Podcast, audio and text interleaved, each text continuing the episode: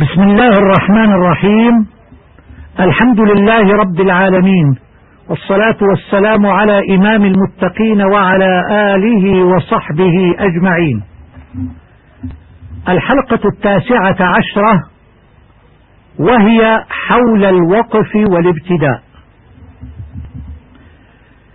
في حديث أم سلمة أم المؤمنين رضي الله عنها أن النبي صلى الله عليه وآله وسلم كان إذا قرأ قطع قراءته آية آية.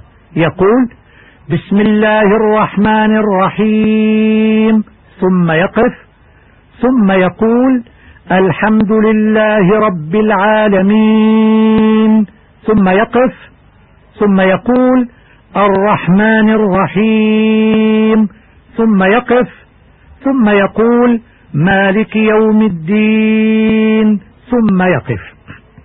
رواه أبو داود والترمذي وأحمد وغيرهم. سئل علي بن أبي طالب رضي الله تعالى عنه عن قوله تعالى ورتل القرآن ترتيلا فقال هو تجويد الحروف ومعرفة الوقوف. إذا معرفة الوقوف شطر علم التجويد والوقف في موضعه يساعد على فهم الآية. أما الوقف في غير محله ربما يغير معنى الآية أو يشوه جمال التلاوة.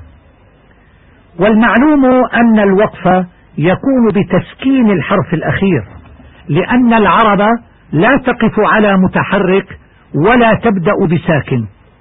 وقد قسمه العلماء إلى أقسام عديدة أهمها أولا الوقف التام وهو الوقف على كلمة لم يتعلق ما بعدها بها ولا بما قبلها لا لفظا ولا معنى. وأكثر ما يكون عند رؤوس الآي وعند انتهاء القصص. مثاله أولئك على هدى من ربهم وأولئك هم المفلحون. مالك يوم الدين.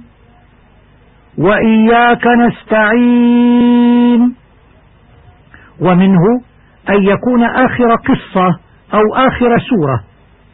والوقف على ما قبل ياء النداء أو فعل الأمر أو لام القسم أو الشرط.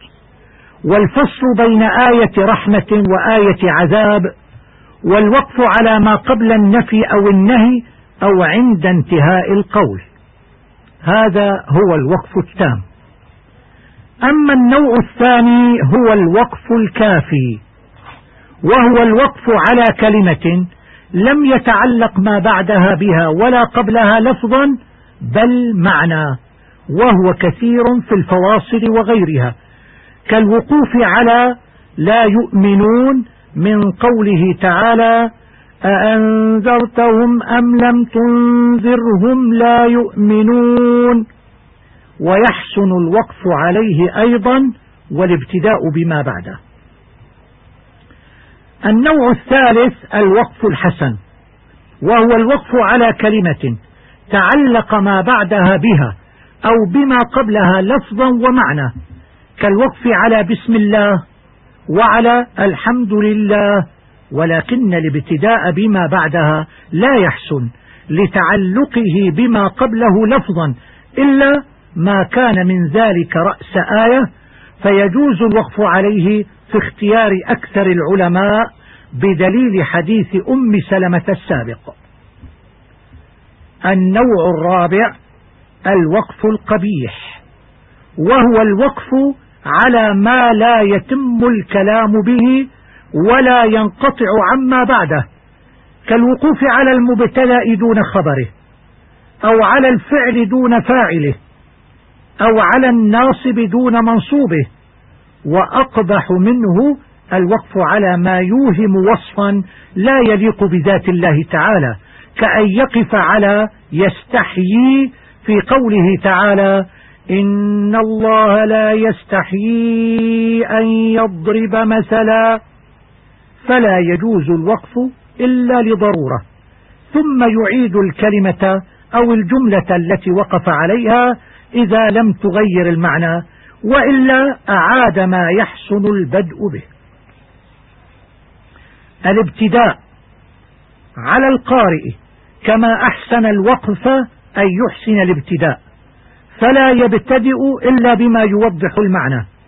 فكما كان هناك وقف قبيح كذلك هناك ابتداء قبيح. كأن يقرأ وقالت اليهود يد الله مغلولة فيبتدئ بيد الله مغلولة. الخلاصة معرفة الوقوف شطر علم التجويد ومن أهم أقسامه. معرفة الوقوف شطر علم التجويد. ومن أهم أقسامه أولا التام وهو الوقوف على ما تم معناه ولم يتعلق بما بعده لا لفظا ولا معنى. ثانيا الكافي وهو الوقوف على ما تم معناه وتعلق بما بعده معنى لا لفظا. ثالثا الوقف الحسن وهو الوقوف على ما تم معناه وتعلق بما بعده لفظا ومعنى رابعا الوقف القبيح وهو الوقوف على ما لم يتم معناه وتعلق بما بعده لفظا ومعنى التدريب ما الدليل على أن الوقوف على رأس الآية سنة؟ الجواب الدليل هو حديث أم سلمة رضي الله تعالى عنها أن النبي صلى الله عليه وآله وسلم كان إذا قرأ قطع قراءته آية آية يقول بسم الله الرحمن الرحيم ثم يقف ثم يقول الحمد لله رب العالمين ثم يقف ثم يقول الرحمن الرحيم ثم يقف ثم يقول مالك يوم الدين ثم يقف. وهذا الحديث رواه أبو داود والترمذي وأحمد وغيرهم. السؤال الثاني ما حكم الوقف عند آخر كل سورة؟ الجواب الوقف على آخر السورة هو وقوف تام.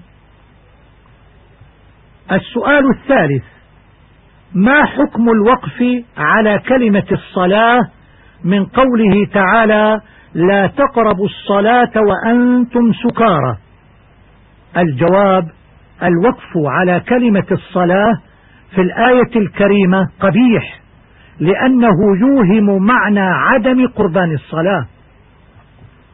السؤال الرابع ما حكم الابتداء بكلمة المسيح في قوله تعالى وقالت النصارى المسيح بن الله. الجواب الابتداء بكلمة المسيح قبيح لأنه من قول النصارى. الوصية كن وقافا عند حدود الله التي حدها في كتابه فالحلال ما أحله الله والحرام ما حرمه الله. وإلى اللقاء في الحلقة القادمة نستودعكم الله والسلام عليكم ورحمة الله وبركاته.